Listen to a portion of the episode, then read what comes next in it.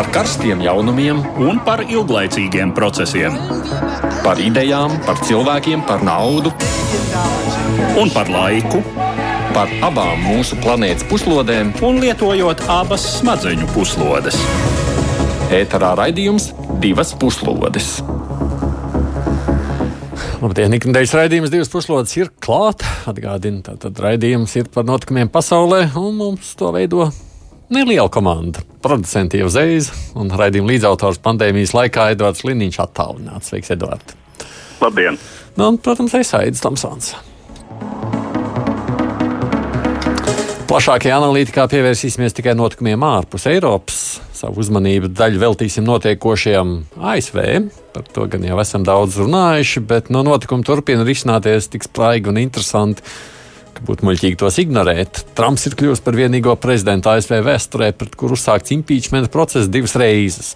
Turklāt šoreiz pat ir iespēja, ka tas varētu notikt. Neierasti daudz runāsim par Āfriku. Tur daudz vieta ir nemierīga, bet gribam šodien vairāk pievērst uzmanību divām valstīm. Vispirms Centrālā Afrikas Republikai.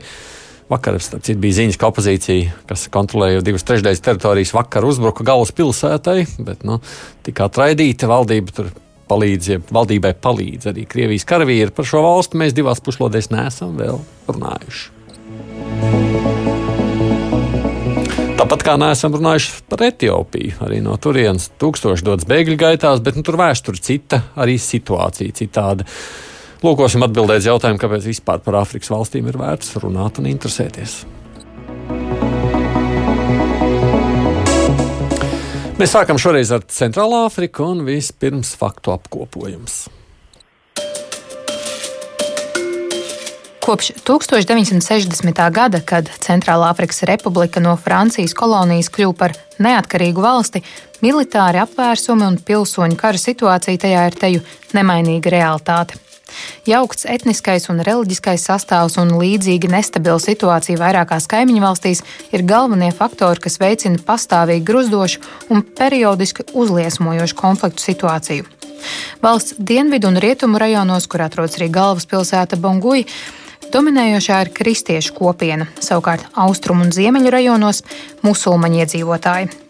Kopš 2013. gada Centrālāfrikas Republikā turpinās kārtējais pilsoņu karš, un šobrīd centrālās valdības kontrolē ir galvaspilsēta un vēl vairākas pilsētas un teritorijas valsts rietumdaļā, kamēr pārējo valsts daļu savā starpā dala raiba nemiernieku armiju plejāde, kas cīnās ar centrālo varu un savā starpā par derīgo izrakteņu atradnēm un tranzīta artērijām. Uz šī fona 20. decembrī notikušo prezidenta vēlēšanu pirmajā kārtā balsošana daudz maz netraucēti varēja notikt nepilnos 60% iecirkņu. Par uzvarētāju tika pasludināts līdzinājais valsts galva Fostens Arkančs to dera, taču pēc tam vairāk nekā desmit nemiernieku grupas, daudzas no kurām līdz šim nikni karojuši savā starpā, paziņoja par apvienošanos koalīcijā, lai gāstu esošo valdību. Tiek izteikti minējumi, ka aiz šīs apvienības stāv 2013. gadā gāztais bijušais diktators ģenerālis François Bozizē, kuram bija liekts piedalīties vēlēšanās. Pēdējās nedēļās galvaspilsētas apkaimē jau atkal bijušas dzirdams apšaudas, un prezidenta Toderas valdība visdrīzāk šobrīd paliek pie varas pateicoties ANO mieru uzturētāju kontingentu un citu ārvalstu spēku klātbūtnei. Pēdējā gada laikā pamanāms spēlētājs Centrālāfrikas Republikā kļuvusi Krievija, kur atbalsta prezidentu to deru ar ieroču piegādēm, militāriem konsultantiem un privātās militārās kompānijas Wagner kaujiniekiem, kuri, kā tiek uzskatīts, veido esošā prezidenta miesas sardzi. Pie klausulas ir arī šobrīd starptautiskās drošības un tuvo austrumu pētniece Elizabete Auniņa. Labdien jums! Labdien! Mums Āfrika daudziem ir tāda tāla un sveša zeme, un kā jau te Edvards apkopotajā ierakstā minēts, tur taču karo vietums pastāvīgi. Tur vērts vispār tam pievērst uzmanību. Auniņas kundze. Ah, jā, uh, jā, ļoti interesanti. Protams, ir tāds priekšstats, laikam arī daudz kur Eiropā, tajā skaitā Latvijā, uh, kad Āfrikas kontinentā jau, protams, viss ir saistīts tikai ar konfliktiem un pastāvīgi notiek kara darbības un konflikti. Es domāju, ka eh, no manas skatu viedokļa, un, un tas ir ne tikai mans personīgais viedoklis, bet arī Eiropas Savienības viedoklis un arī ASV viedoklis, protams, ir tas, ka mēs dzīvojam tomēr saistītā pasaulē un, un tie, šie notikumi tiešā veidā arī Āfrikas kontinentā, kas varbūt liekas tik tāls, bet īstenībā tik tāls nemaz nav. Tiešā veidā ietekmē arī mūsu Eiropas Savienībā un tajā skaitā arī Latvijā. Arī, protams, Latvijai e, konkrēti varbūt ne Centrālā Afrikas Republikā, bet kā mēs vēlāk runāsim par Etiopiju, ir arī divpusējās diplomātiskās attiecības. Ir bijušas arī runas par to, ka varētu tikt atvērta vēl viena Latvijas pastāvīgā vēstniecība, tātad uh, Etiopija. Un šie ir visi jautājumi, kas mūs tiešā veidā skar, un, un tādēļ ir uh, ne tikai personiskās intereses, katra personiskās intereses ietveros, bet vispār svarīgi tātad uzzināt, kas notiek. Um, jā. Nu jā. Un par ko tad tas karš ir centrāli? Āfrikas Republikā? Jā, tātad eh, Centrālā Afrikas Republikā, protams, jūs jau ļoti skaisti ieskicējāt diezgan uh, brīnišķīgi šo bildi. Uh, jāskatās pat, es pat kaut ko jau nesākšu atkārtot. Bet, protams, kad šie nemieri, kā jau tika minēts, uzliesmoja tieši decembrī, kad, uh, kad bruņoto spēku koalīcija, kas sastāv no se, aptuveni sešiem grupējumiem, kas saistīti jau, kā jūs minējāt, ar uh, bijušo valsts prezidentu un arī ģenerāli Frančiska Bozē eh, mēģināja iegūt varu par galvaspilsētu. Eh, savā ziņā jāsaka, ka galvaspilsēta šobrīd ir principā vienīgā vieta, kuru eh, uz otro termiņu ievēlētais prezidents Faustins Toderes tiešām kontrolē šo valdību valstī. Un, un jā, tas, tas ir viens no svarīgākajiem punktiem. Un ka, par ko notiek šī cīņa šajā, cīņa šajā brīdī? Par to, ka ja tātad civil karš turpināsies un netiks iegūts pārākums no vienas vai otras puses, tad esošais prezidents varētu kļūt par tādu, kā izsmejoties, jāsaka, prezidentu vienā pilsētā, kamēr visu pārējo valsts teritoriju ir pārņēmusi dažādi bruņoti spēki. Uh, Eh, kurus eh, savā ziņā kontrolē gan Frančiskā Bozizē, kurš pats nāca pie varas valsts apvērsumā jau 2003. gadā un tad bija gāzts 2013. gadā, gan arī daži citi uh, reliģisku sektu saistīti grupējumi. Mm. Ja skatāmies, Edvards, nu ir jau tāda situācija bijis beigās, kad vadītājs paliek tikai viens pilsētas vadītājs valstī. nu, jā, nu, pilsoņu kara situācijās tā tas mēdz gadīties. Um, bet, uh, kā jau nevienreiz vien tika nu pat minēts, uh, jā, Centrālā Afrikas Republikā tā ir tāda diezgan permanenta situācija. Nu, tā ir valsts, kur, par kuru izteikti var teikt, ka tur īsti demokrātija nekad nav nostiprinājusies. Uh, un, tie ir bijuši tikai vairāk vai mazāk demokrātijas mēģinājumi, kurus visbiežāk ir pārtraukuši armijas militāri apvērsumi. Nākot pie varas attiecīgi huntai. Uh, nu, Visspilgtākais, uh, faktiski viena no spilgtākajām huntām Āfrikas vēsturē ir uh, ģenerāļa Bokasas hunta, kurš vispirms kļuva par prezidentu un pēc tam kronēja sevi par imperatoru. Bet nu, pēc dažiem gadiem arī bija spiests bēgt no valsts, kad savukārt nākamais funkciju pārņēmējs ar militāru spēku viņu gāza. Nu, un, tā aina, kas, kas arī ir, piedodiet par izteicienu, žanra klasika. Valsts, kurā ir bagātīgas dimantu atradnes, urāna atradnes, uh, šķiet arī nafta, tātad bagātīgi zemes dzīļu resursi un viena no nabadzīgākajām sabiedrībām, no, viena no nabadzīgākajām ekonomikām pasaulē. Uh, nu, attiecīgi uh, tātad šie zemes, šīs zemes dzīves bagātības tiek dalītas šaurā lokā un piedaloties, protams, ārzemju interesantiem. Un te mēs nonākam pie tā, kas tad tur interesē Krieviju. Krieviju interesē tā ļoti rupi runājot ieroči pret dimantiem. Mēs jums mūsu ieročus, nu un arī teiksim, militāros speciālistus Uh, un jūs savukārt mums šos izrakteņus, nu, un tad attiecīgi tur vēl ir runa par kaut kādiem celtniecības kontraktiem, ko Krievijas firmas tur varētu iegūt uh, ar politisku, uh, politisku ietekmi un tā tālāk.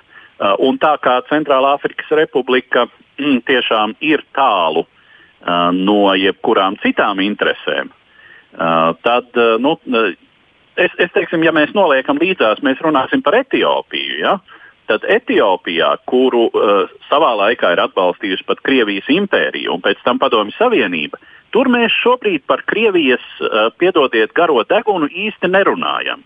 Jo tur ir citi un spēcīgāki interesanti, konkrēti Ķīna. Bet tādā Centrālā Afrikas Republikā, kas tā atkal vienkāršot sakot, nevienu citu lielvaru ļoti neinteresē, nu, tur Vladimirs Vladimirovičs ir klāt ar savu tā sacīt, gatavību mīri palīdzēt. Ja mēs skatāmies uz to, nu, labi, bet kāpēc citas valsts neinteresē dimantu? Taču varētu prasīties arī. No, nu, dimants var iegūt arī citādi, nesūtot uz turieni karaspēku citas valstis. Ja? Mm. Bet ja par to iekšējo konfliktu vēl ne par to Krieviju viena Auniņas kundze, kas tad tur ir īsti pamatā visam tam mūžīgajam, nebeidzamajam karam? Tās ir politiskās simpātijas, tās ir etniskās saknes, tur ir reliģiskā pārliecība.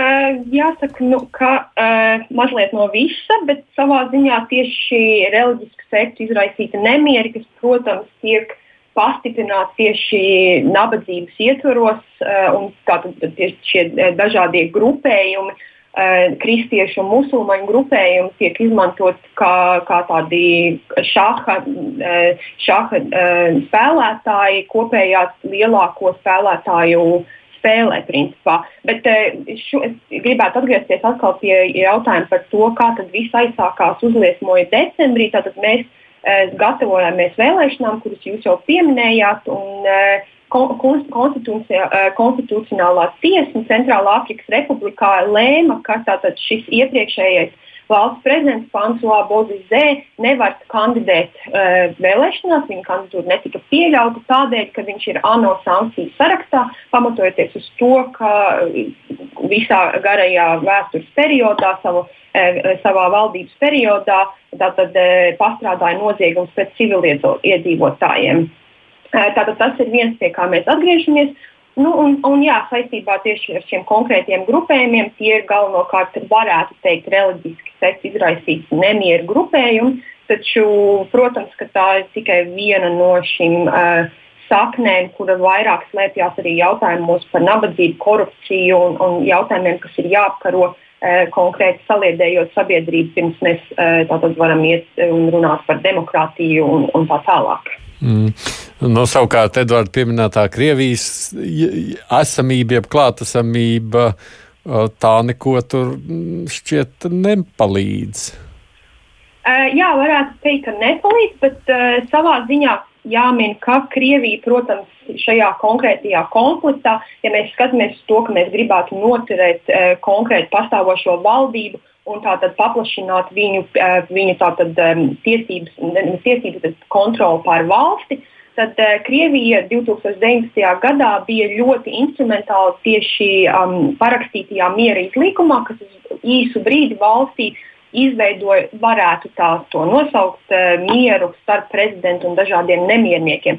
Protams, Krievija ir iesaistīta, ieinteresēta tajā, ka uh, nostiprinās šī prezidenta Toderas valdība un nenāk pie varas citi spēlētāji, kas varētu apkarot viņu tātad intereses. Šeit jau tika minēts galvenokārt intereses saistībā ar tiešām ļoti uh, bagātiem dabas resursiem, kuri tiek apmainīti principā pret militāru aizsardzību.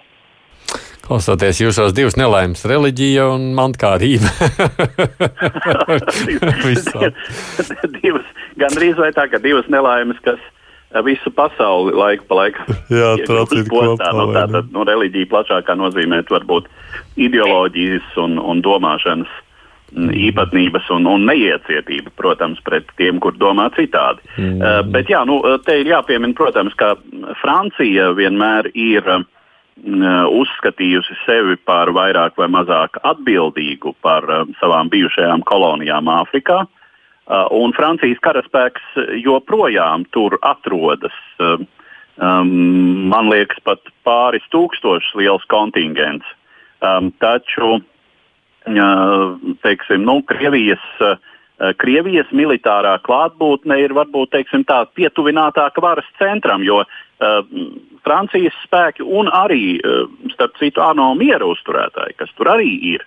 Mm -hmm. um, nu, tie vairāk, eh, teiksim, pilda tādas, mm, kā parasti šādi spēki, ja puš, naidīgās puses nošķirošas funkcijas uh, un cenšas nevienā no pusēm īsti nenostāties. Ne, nu, protams, ka ja uzbruk likumīgajai valdībai uh, un, uh, un tā tālāk, nu, tad, uh, tad, protams, cenšoties uh, šos uzbrukumus arī neutralizēt. Bet uh, nu, Krievijas spēki ir uh, ļoti konkrēti tā esošās valdības pusē, lai gan, nu, kā jau Aunīnas kundze arī atzīmēja, nu, tā ir tā vai citādi.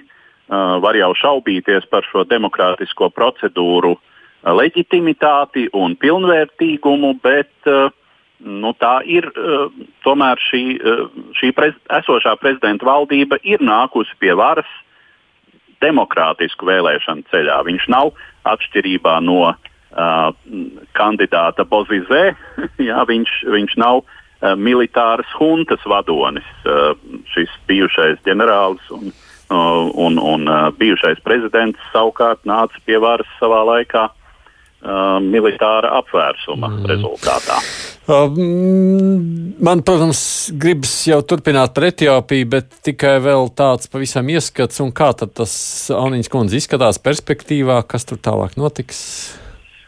Perspektīvā jāsaka, protams, ka tiešākais ceļš un tas, ko mēs gribētu un cerētu, ir atgriešanās tātad ne tikai pie šī miera procesa, kas jau bija aizsākts, bet tā procesa nostiprināšanās šobrīd gan neizskatās pārāk tātad, pozitīvi tādā tālākā skatījumā. Visticamāk, mēs atgriezīsimies pie situācijas, kas savā ziņā turpinās jau kopš 2013. gada, proti, dažādi uzliesmojumi saistībā ar tātad, eh, šo uh, uzliesmo, konfliktu uzliesmojumu, kuri tiek apturēti tieši no ārēju spēku puses, šajā gadījumā Krievija un arī Ruanda, kura ir eh, tātad, iesūtījusi atbalsta kau, um, spēku, kaujas spēkus tieši šai centrālajai valdībai.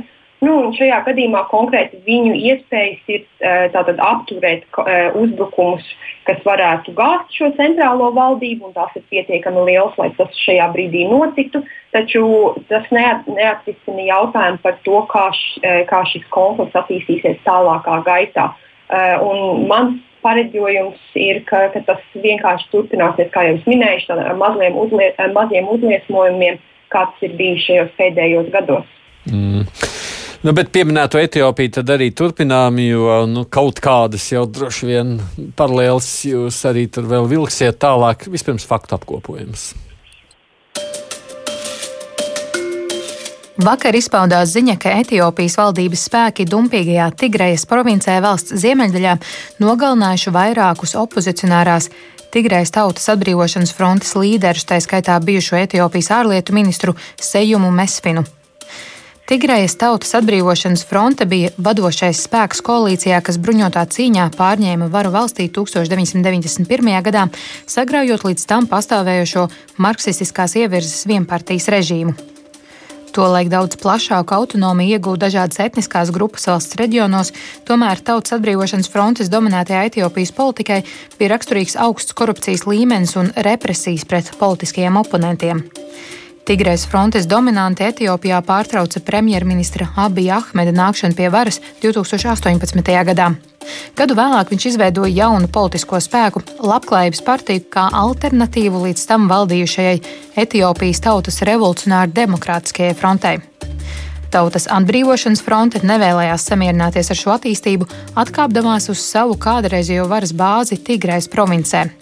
Pagājušā gada pēdējās nedēļās centrālā valdība uzsāka militāras operācijas, lai iegūtu kontroli Tigrejā. Daudzi saskata premjerministra abija rīcībā diktatoriskus motīvus un mēģinājumu atgriezt dominējošajās pozīcijās Amhāru etnosu, no kura nāca kādreizējā Etiopijas monarhu dinastija. Savukārt pašreizējās Adisa Bebes valdības aizstāvji uzskata, ka premjerministrs Abijs cenšas tikai sakārtot valsti, apkarojot arī reģionu separātisma tendences.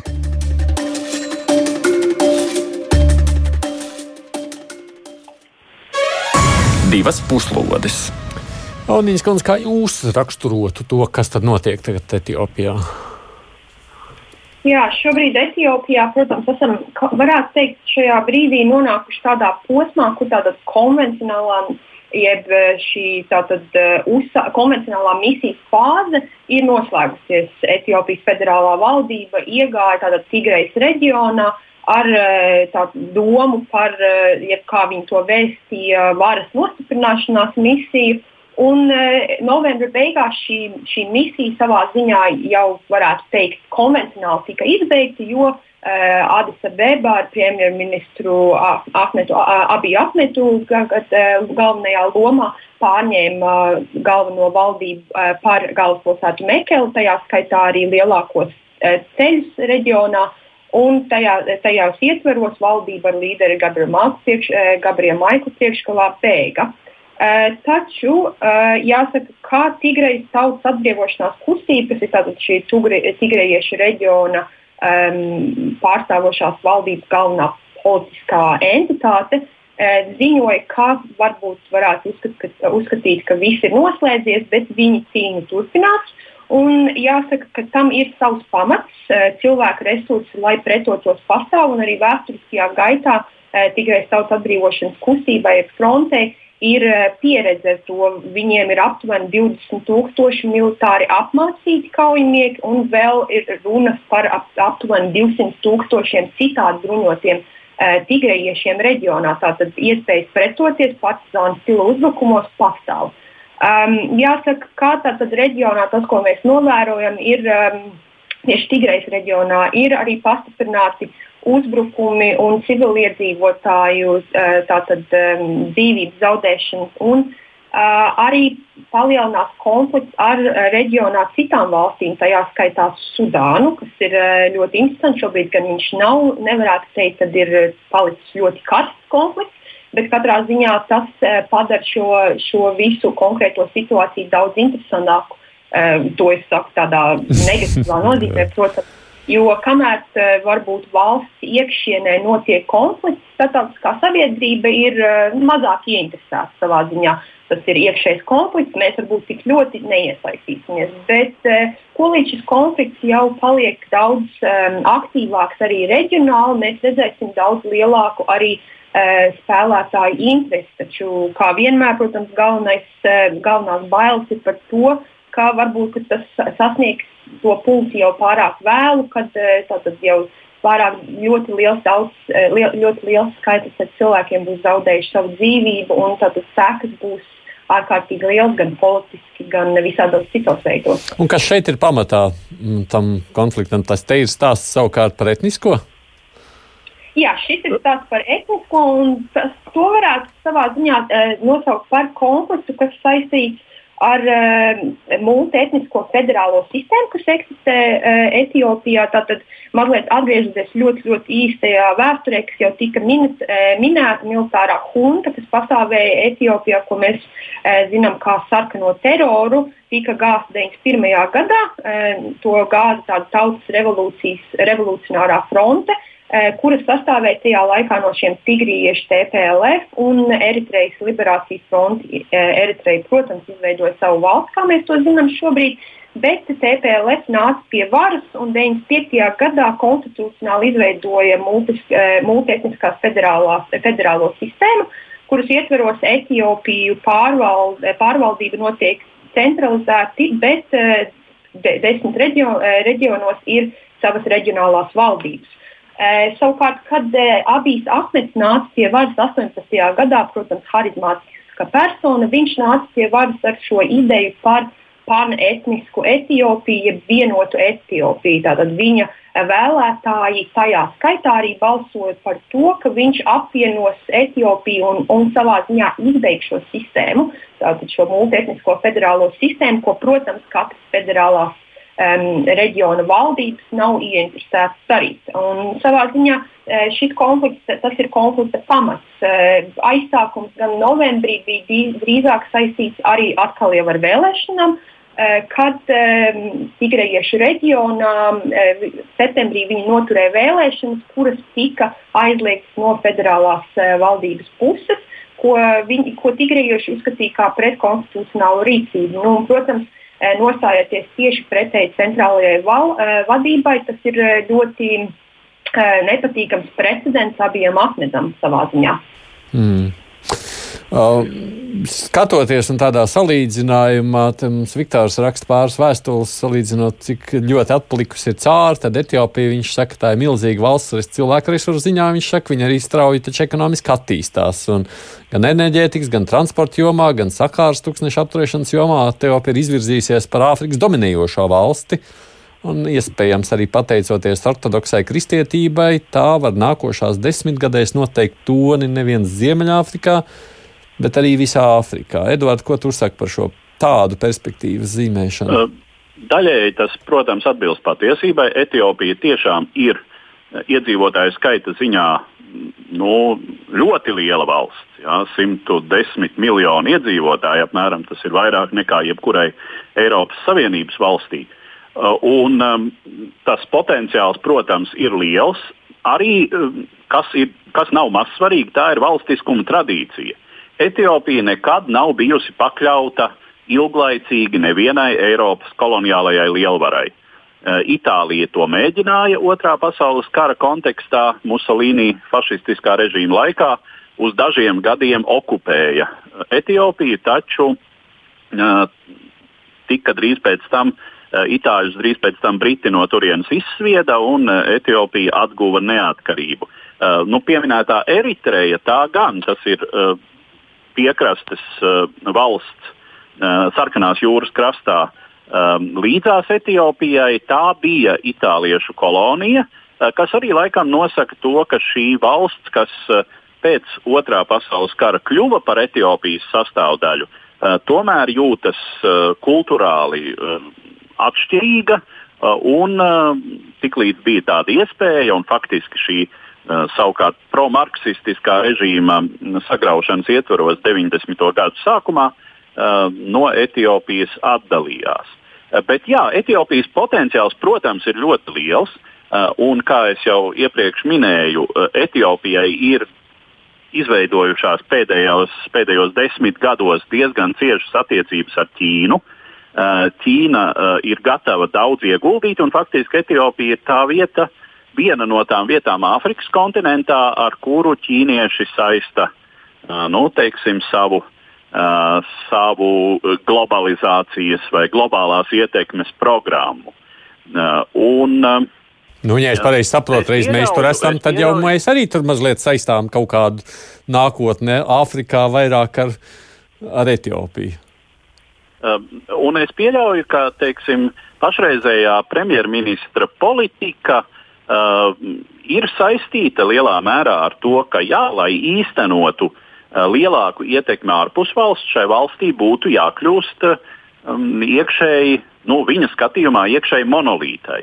Uh, jo nu, tas ir, ir bijusi arī tāda, jāsaka, pulksteņa vēzekļa kustība, uh, kad uh, šī, šai, šī autoritārā, uh, respektīvi šī totalitārā režīma laikā pirms 91. gada un pirms tam arī pastāvējušās Etiopijas impērijas laikā, eh, monarhijas laikā līdz 70. gadu pirmajai pusē. Um, bija, bija šī centralizācija, bet tā bija vēl tāda, nu, jāsaka, uh, no iepriekšējiem gadsimtiem mantota, kad lūk, šis viens valdošais etnos, no, kas nav valsts mažoritāte, kas ir uh, salīdzinoši skaitliski, nav lielākais valstī, bet uh, No tā nāca valdošā dinastija, tas apdzīvo uh, centrālos rajonus. Uh, nu, tā bija tā dominante. Uh, un tad notika zināms centrbēdzes, zinām, centrbēdzes kustība. Uh, valstī gan uh, visumā saglabājot, ja neskaita to atdalījušos Eritreju, savu vienotību, bet uh, nu, uh, ir acīm redzama tendence, ka, uh, ka, ka tā, tā izjūta uh, varas centrā uh, ka provinces ir kļuvušas pārāk separātas, ka tās uh, ir pārāk nepakļāvīgas un ka ar tik irdenu, teiksim, uh, tik irdenu valsti uh, ir grūti īstenot šo, uh, nu, ja tā var teikt, uh, lēcienu. Uh, lēcienu uz priekšu. Jā. Jā, kā jums šķiet, Auniņas kundze, izdosies to monolītiskumu panākt? Uh, interesants jautājums. Es, es, uh, es domāju, ka uh, valstī ir pārāk liela pretestība pret to. Šī nav tikai pretestība jautājumā par uh, tigriešiem ziemeļos, bet uh, tātad pret šo monolītisko ideju pretestība savā ziņā ir uh, vairākos reģionos, pat tajā pat reģionā, no kuras ir pats uh, Abijas Akmets, uh, Oromietis. Uh, tātad, Jāsaka, ka manuprāt, tas neizskatās tik pozitīvi, un šobrīd šī, mēs redzam pārāk lielu uh, pretestību no visām iesaistītajām pusēm. Taču kas varētu notikt uh, konflikta izbeigšanas mehānismā, ja iesaistītos un tiktu pavērsts nacionāls dialogs, kas šajā gadījumā, manuprāt, ir nepieciešams? Protams, varētu būt, ka kaut kas tiks ņemts un dots no abām pusēm, lai uh, nostiprinātu šādu pamieru, ja, tā, ja, ja mēs līdz tam, protams, nonāksim. Mm. Paldies! Jā, tā labā es, ziņa jā. ir tā, ka varbūt Tigrai ir vienīgais reģions, kur līdz šim ir tāda bruņota pretstāve. Uh, un citur tur tomēr tās, teiktu, tas dialogu potenciāls ir pietiekams. Mm -hmm. Es jums saku paldies, ka pavērāt mums tādu priekšskaru mazliet vairāk izpratnē par Āfriku, starptautiski, vismaz par divām valstīm, starptautiskās drošības to austrumu pētniece Elizabete Auniņa. Paldies jums par iesaistīšanās. Jā. Mēs vēl gribam šodien runāt par notiekušo citā kontinentā, ASV, tāpēc nu, tagad sazvanīsim citu komentētāju un tikmēr klausāmies vienu notikumu konspektīvu apkopojumu. Līdz ar Kongresa pārstāvju palātas vakardienas balsojumu Donalds Trumps kļūs par pirmo prezidentu Savienoto valstu vēsturē, pret kuru impeachmenta procedūra uzsākta divas reizes. Par attiecīgo rezolūciju balsoja viss kongresa apakšpalātas demokrātu vairākums, kā arī desmit republikāņu kongresmeņi. Tāda ir likumdevēju reakcija uz pagājušās nedēļas notikumiem, kad Trumpa atbalstītāji pūlis ielauzās Kapitolija ēkā Vašingtonā, pārtraucot jaunievēlētā prezidenta Džo Baidena amatā apstiprināšanas procedūru. Jau tobrīd izskanēja viedokļi, ka Donalds Trumps ir atstādināms nekavējoties, kaut viņa varas periodam atlikušas vien dažas dienas līdz 20. janvārim, kad prezidents zvērestu dos Joe Bidenis. Aizvakar pārstāvju palātas spīkere Nancy Pelosi nosūtīja vēstuli viceprezidentam Maikam Pensam, aicinot viņu pārņemt varu konstitūcijas 25. labojuma kārtībā, kas paredz prezidenta atzīšanu par rīcību nespējīgu. Pēc tam, kad viceprezidents Pence šādu iespēju noraidīja, tapa impeachmenta rezolūcija vainojot Trumpu dumpju uzsākšanā. Kā zināms, tālākā procedūra paredz, ka par impeachmentu jābalso senātam, kur apstiprinošajam balsojumam nepieciešams divas trešdaļas senatoru balsu vairākums. Senāta pašreizējā republikāņu vairākuma līderis Mičs Makonels paziņoja, ka senatori varētu sākt izskatīt šo jautājumu 19. janvārī. Tādējādi Savienotās valstis iespējams gaida vēl viens bezprecedenta notikums - balsojums par impeachmentu amatu jau atstājušam prezidentam. Kā uzsver tieslietu eksperti, tas nebūtu nav tikai simbolisks solis, jo impeachmenta gadījumā amatu atstājušais prezidents tiktu diskvalificēts no stāšanās politiskos amatos nākotnē. Šobrīd raidījumā mums pievienojies Eiropas politikas analīzes centra pētnieks Mārtiņš Hiršs. Sveicināti! Sveiki! Jā. Kādi ir tie jūsu secinājumi tagad pēc vakardienas balsojumiem ASV? Tad Trumpam spīd tiešām impeachments, Mārtiņ? Nu, vai Trumpam, uh, Trumps tik atstās amats, tas ir politiska kalkulācija republikāņu vidū. Uh, pēdējo mēnešu laikā, kopš vēlēšanām, mēs redzam, ka nu, tiksim, republikāņos ir iznākusies šķelšanās. Līdz šim, lai ko Trumps darīja, tur smējās par meksikāņiem, ar NATO meklēja kašķus, vēl visu kaut ko. Republikāņi bija aiz viņa vienots bloks. Tagad gan mēs redzam, ka šī pats Mičs Makonels, senāta vairāk vadītājs, ļoti, ļoti kritiski teicies pret Trumpu. Tāpat arī vismaz aptuveni 20 senatori iespējams varētu balsot par šo te, nu, Trumpa atlaišanu no amata.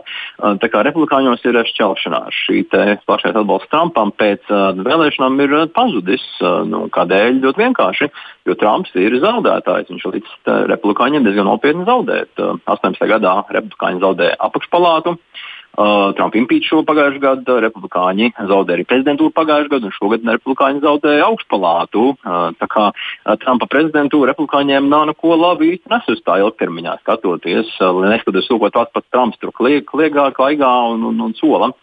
Tā kā, nu, tad, bet arī tajā pašā laikā nu, izstāsta, ka viņi varētu atcelt, bet nu, līdz šim Trumps ir izdzīvojis, lai ko viņš būtu darījis, lai cik haotiski, lai cik uh, lai cik uh, tā neierasta viņa tā prezidentūra ir bijusi no krīzes uz krīzi, no Trumps ir palicis pāris un saglabājis šo republikāņu atbalstu. Tā kā, tā kā nu jāstāsta, kāda būs šī republikāņu politiskā kalkulācija, vai viņi ir mēģināti izslēgt Trumpu no tālākās politikas spēles, nu, jau kā jau teicu, viņš ir tā.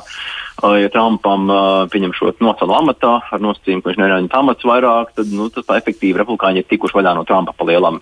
Jo paši republikāņi elite arī nav sajūsmā par to, ka uh, Trumps ir kaut kādā mērā nozadzis uh, daļu republikāņu partijas, nu, ko Trumps un saka, republikāņu liels vairākums aizstāv, lai tur vai kas. Pat tie cilvēki, kur iepriekš kritizēja Trumpu, kad viņu vēlēšanu kampaņa bija 17. gadā, Tagad viņi ir liela daļa kļuvusi par Trumpa atbalstītājiem. Tā kā, tā kā, tā kā nu, ja tie republikāņi, kas grib atgūt partiju savā rokās, nevis ļaut Trumpam viņu kontrolēt, varētu būt sajūsmā par šo iespēju izmest, pamatot izmest Trumpu no republikāņu vidus, no politikas vispār ārā. Mm.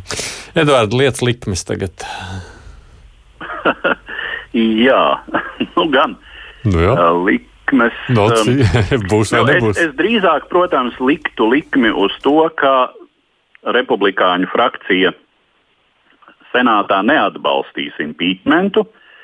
Uh, nu, tas uh, argumenti ir, ir teiksim, tīri um, procesuāli argumenti, kas izskanēja jau arī balsojot par um, impeachmentu, par šo rezolūciju pārstāvju palātā. Uh, proti, ka, nu, protams, um, tie termiņi ir tik saspiesti, uh, situācija ir būtībā iespējams pat impeachmenta procesam īsti neatbilstoša. Jo nu, impeachments jau, protams, ir domāts un uh, iecerēts kā mehānisms, lai atstādinātu pie varas esošu prezidentu. Uh, nevis lai dotu vērtējumu prezidentam, kas savu amatu jau uh, pārvēlēšana, nepre, nepārvēlēšanas ceļā ir atstājis.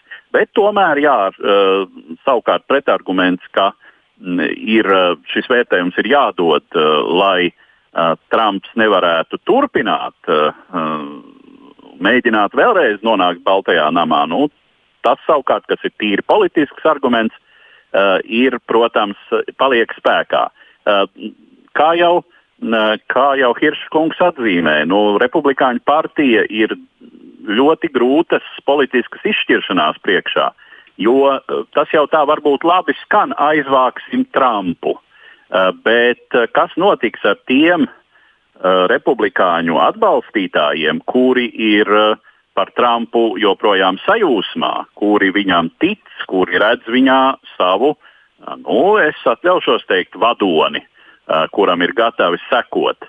Un, nu, man tas nebūtu nešķiet neiespējami, ka tādā gadījumā, ja tā vai citādi Trumps tiek, mm, Trumps tiek marginalizēts un izstumts no Republikāņu partijas uh, varas centra un, un elites, uh, ka viņš varētu izveidot savu politisko spēku, um, nu, vismaz mēģināt startēt kā neatkarīgais kandidāts nākamajās vēlēšanās, Uh, un, uh, uh, teiksim, pilnīgi noteikti tad aizvest sev līdzi lielu daļu republikāņu elektorāta, kas nozīmē šai partijai nu, ilgu, ilgu Uh, bez, politiskas bezcerības periodu. Bet tā tad uh, impeachments nu, neparedz to, ka tad vispār nedrīkst kandidēt uz ASV prezidenta amatu? Nu, tas, tas ir jautājums, ja, ko, kas, kas būs tajā brīdī, uh, un, un tā droši vien ir tas, tas kalkulācijas pamats, uh, ko ir grūti, protams, arī izkalkulēt. Uh, kas notiks, ja mēs, nu, ja teiksim, republikāņi, kas ir pilnīgi nepieciešami impeachmentam, ja, ja pietiekams skaits republikāņu uh, senatori nobalso par impeachmentu. Jā, Republikāņu partija tiek vaļā no Trumpa, bet uh, vai, vai, no, uh, vai padarot Trumpu par politisku līķi, uh, var nokaut Trumpismu? Nu, visdrīzāk, ka nē. Un kas tad no tā visa var galu galā iznākt? Mm, kā izskatās, Mārtiņ? Nevis nu, papildinot, tieši tā, republikāņu partija baidās no šķelšanās partijas iekšienē, kas varētu būt diezgan, diezgan liela. Jo tas atbalsts republikāņu vidū ir milzīgs Trumpam. Piemēram, 60% republikāņu, nu, divas trešdaļas tic, ka vēlēšanas bija nozagtas. Vēlēšanas nav nozagtas, Trumps mēģināja meklēt pierādījumus, sudēja tiesā, nu neko neatrada. Neviena tiesas procesa nav nekur aizgājis. Atrada, ka tur, ja nekļūdos, Džordžijā divi miruši cilvēki bija vēlējuši, viens no viņiem par Trumpu, bet tie divi cilvēki. Trumps zaudēja par desmitiem tūkstošu balsu. Tā kā nekāda krāpniecība nav bijusi, bet 60% republikāņu piekrīt šim te Trumpa meliem, dezinformācijai no Trumpa, no ASV prezidenta. Tā kā, tā kā noteikti Trumps ir uzbūris personības kultu un bieži alternatīvo realitātiem sekotājiem. Un, nu, tagad ir republikāņi atcelt Trumpa amatu viennozīmīgi, kas būs milzīgs, sāpīgs solis partijas iekšienē. Un, tieši es piekrītu, ka, nu, ja republikāņi atceļ no amata Trumpa, tad ir šķelšanās partijā liela iekšējas problēmas. Bet pat ja neatceļ, tik un tā mums ir milzīgas problēmas, ja 60% republikāņu tic vienkārši meliem, izdomājumiem, safabricējumiem, ka vēlēšanas ir bijušas negodīgas, nozagtas un viss pārējais. Bet... Ja viena partija ASV. Uh, nu, palielināt dzīvo dezinformācijā. Bet palīdziet man saprast, impeachots, atpēc nekā mums to pacels prezidents, nedrīkst vairs vēlreiz kandidēt vai drīkst juridiski? Tur ir, tur ir sarežģīti, uh, jo pašam kongresam arī jāliek klāt šim te no nu, augstākajai palātai, jāliek klāt uh, tā viena no klauzulām, vai viņi drīkst vai nedrīkst kandidēt. Nu, jā, tā teikt, tā lēms, ka drīkst kandidēt, tad, tad drīkstēs, ja lēms, ka nedrīkst kandidēt, tad nedrīkstēs. Tā kā, tā kā, tā kā, tas vēl nav simtprocentīgi zināms. Bet idejiski, idejiski tam būtu jābūt, nu, jā, kad, kad nedrīkst kandidēt, jo, nu, ja tu atcelt par noziegumiem prezidenta amata, tad, nu, idejiski nevajadzētu viņam pieņemt atkal to pašu vai citus amatus. Uh, uh, bet, bet tev to vēl, tas vēl būs jālem pašai augstpalātai, uh, ko viņi vispār, uh, nu, cik spēcīgs šis te, uh, atcelšana amata vispār ir. Kā vērtēt šo?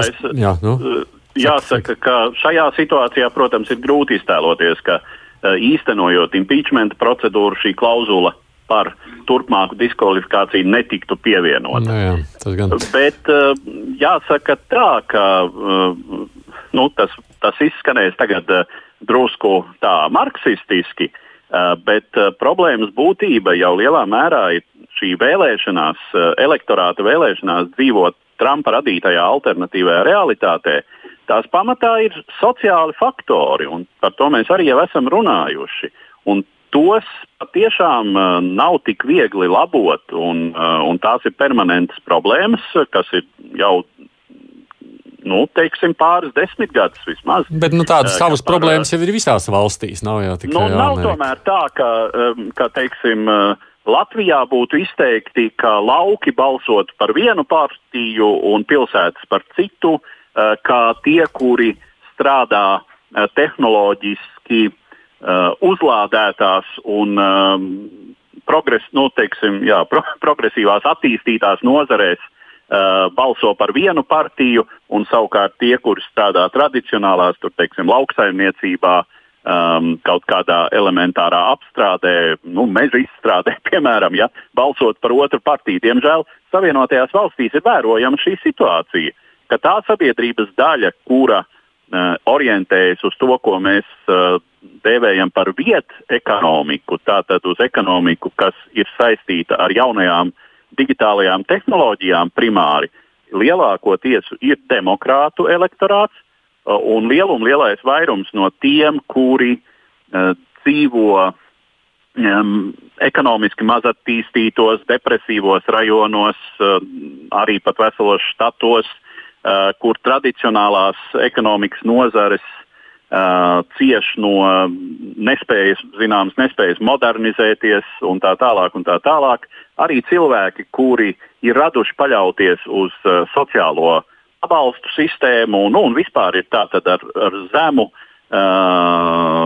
karjeras ambīciju līmeni, ka šādi cilvēki balso par republikāņiem. Uh, un, un tā plaisa ir, jāsaka, uh, nu, ja tā vēro šīs valsts mērogus un, un šīs valsts ietekmi pasaulē, tā ir biedējoša.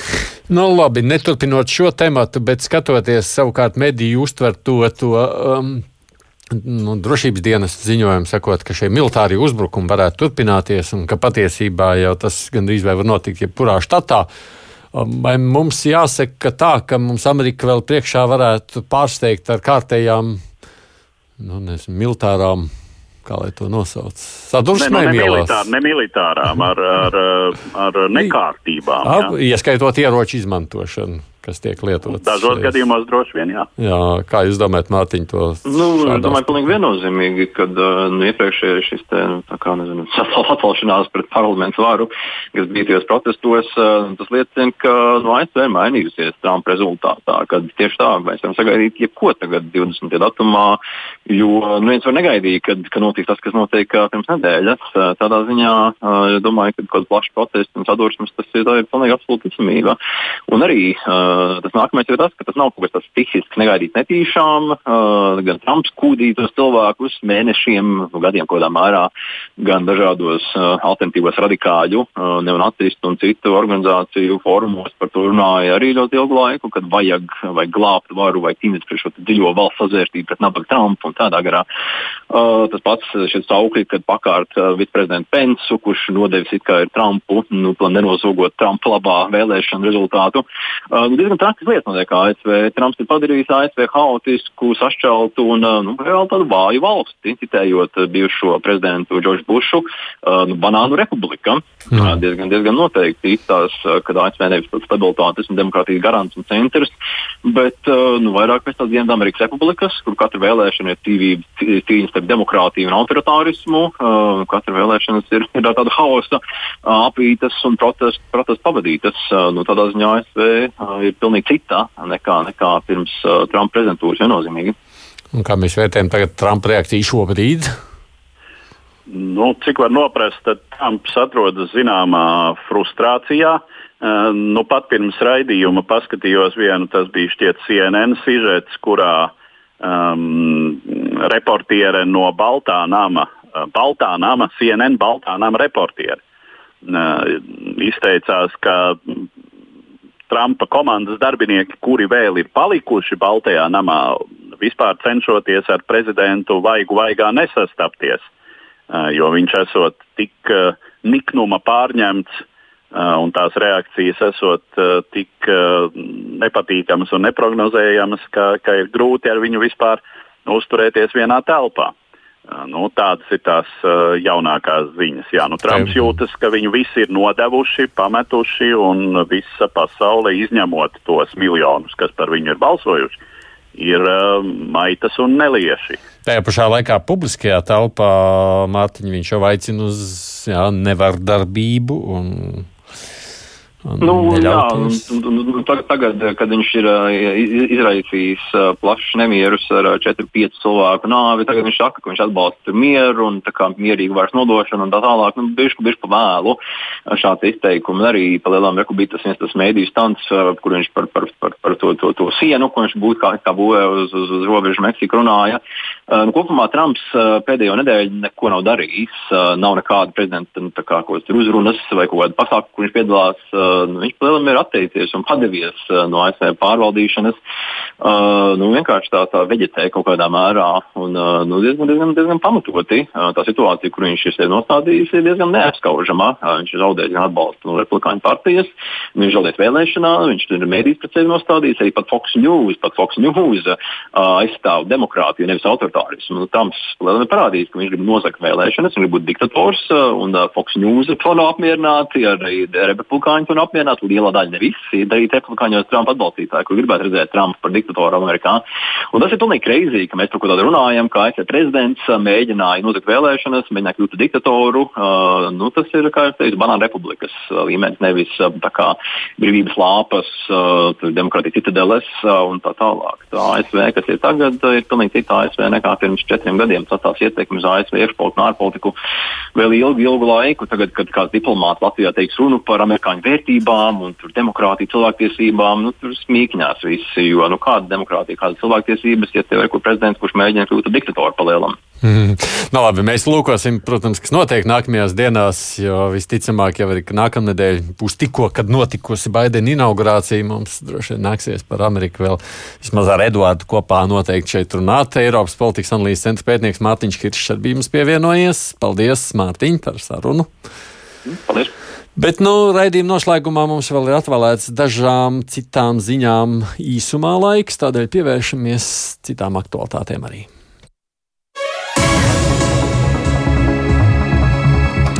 Pasaules lielākā uzmanība lielākoties joprojām ir pievērsta cīņai ar covid pandēmiju. Tie lielākie starmeši šobrīd ir pavērsti vakcinācijas virzienā.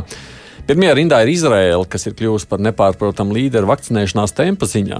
Un, ja viss ies tāpat kā līdz šim, Izraela kļūs par pirmo valstu pasaulē, kur normāla dzīve varētu atsākties jau marta beigās. Šobrīd vakcinēti gandrīz ceturdaļa valsts iedzīvotāji, kādi jau ir saņēmuši otro poti.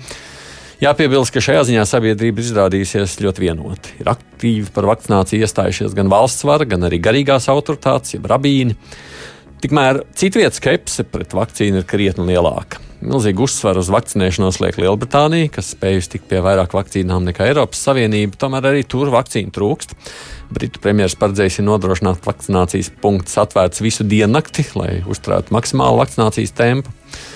Atsevišķi vērts ir pieminēt Romas pāvestu, esošo un bijušo, kuri vakcinējās vakar, jeb trešdien. Katoļu baznīcā vakcinācija ir izraisījusi plašas debatas un pat šķelšanos.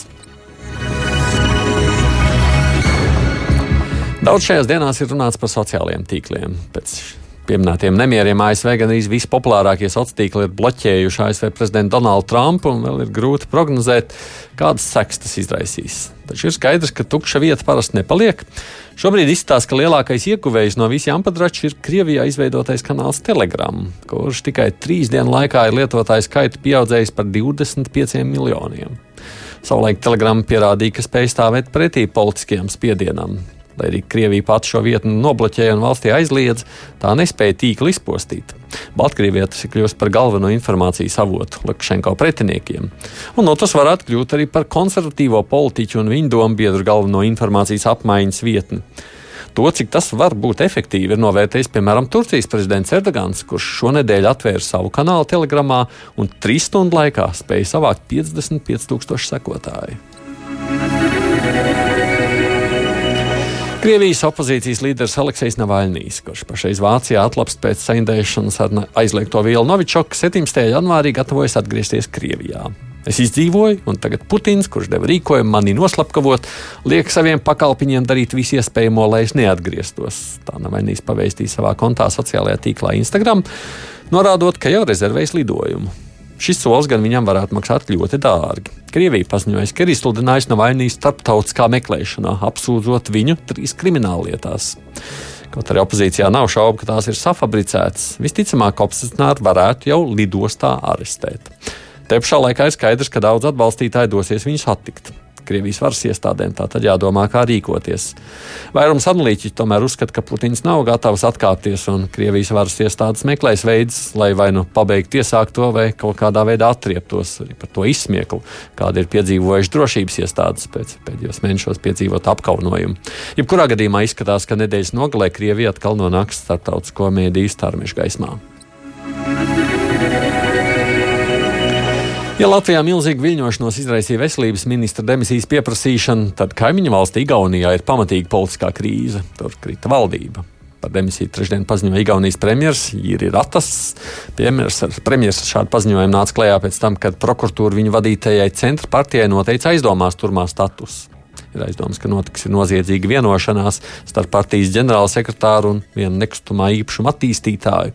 Uzņēmējs solīs ziedot partijai līdz pat miljonus eiro lielu ziedojumu, bet viņa uzņēmums par to saņems aizdevumu ar atvieglotiem nosacījumiem. Uzņēmējs arī jau ir ziedojis līdz šim 120 tūkstoši eiro, un valdība septembrī atbalstījusi gandrīz 40 miljonus eiro lielu kredītu piešķiršanu. Ģenerāla prokurora celt, celtās aizdomas nenozīmē, ka kāds noteikti ir vainīgs bet tās nenovēršami met nopietnu ēnu uz visām iesaistītajām pusēm. Tā ir atzīts Ratas, apgalvojot, ka pats nav bijis informēts par apšaubāmajiem darījumiem. Tikmēr šodien prezidenta jau ir izvirzījusi premjeram tam reformu partijas līderi Kaju Kallasu. Man vēl jāatzīst, ka šajā nedēļā Eiropā nācies runāt arī par ziemas izraisītām problēmām. Vislielākā uzmanība pievērsta Spānijai, īpaši Madridē, kur tam līdzīga sniega vētra nebija plosījusies pusgadsimtu. Ļaudis izbaudīja neparasto parādību, ielas pārvēršot par pikošanās kauju vietām, savukārt autobāņi kļuva par neizbraucamām šķēršļostām. Madrides varas iestādes atzinuši, ka zaudējumi mērāmi miljardos. Taču augstums un sniegs turpina ietekmēt arī citas valsts. Naktī uz trešdienu ap diviem tūkstošiem autosniegu bija iesprostot, sniegdēļ bija iesprostot uz autobāņu Francijas austrumos. Tur ceļu nobloķēja smagi auto, kas netika uz priekšu. Nu, tādas šoreiz bija vēl ziņas īsumā. Redījums divas puslodes līdz ar to tagad izskan. Studijā bija Esaits Tamsons, mūsu producents Ievzējs, nu, protams, Eduards Liniņš. Paldies klausītājiem par iesaistīšanos, klausīšanos. Tiksimies atkal pēc nedēļas, lūkosim, kas notiek pasaulē.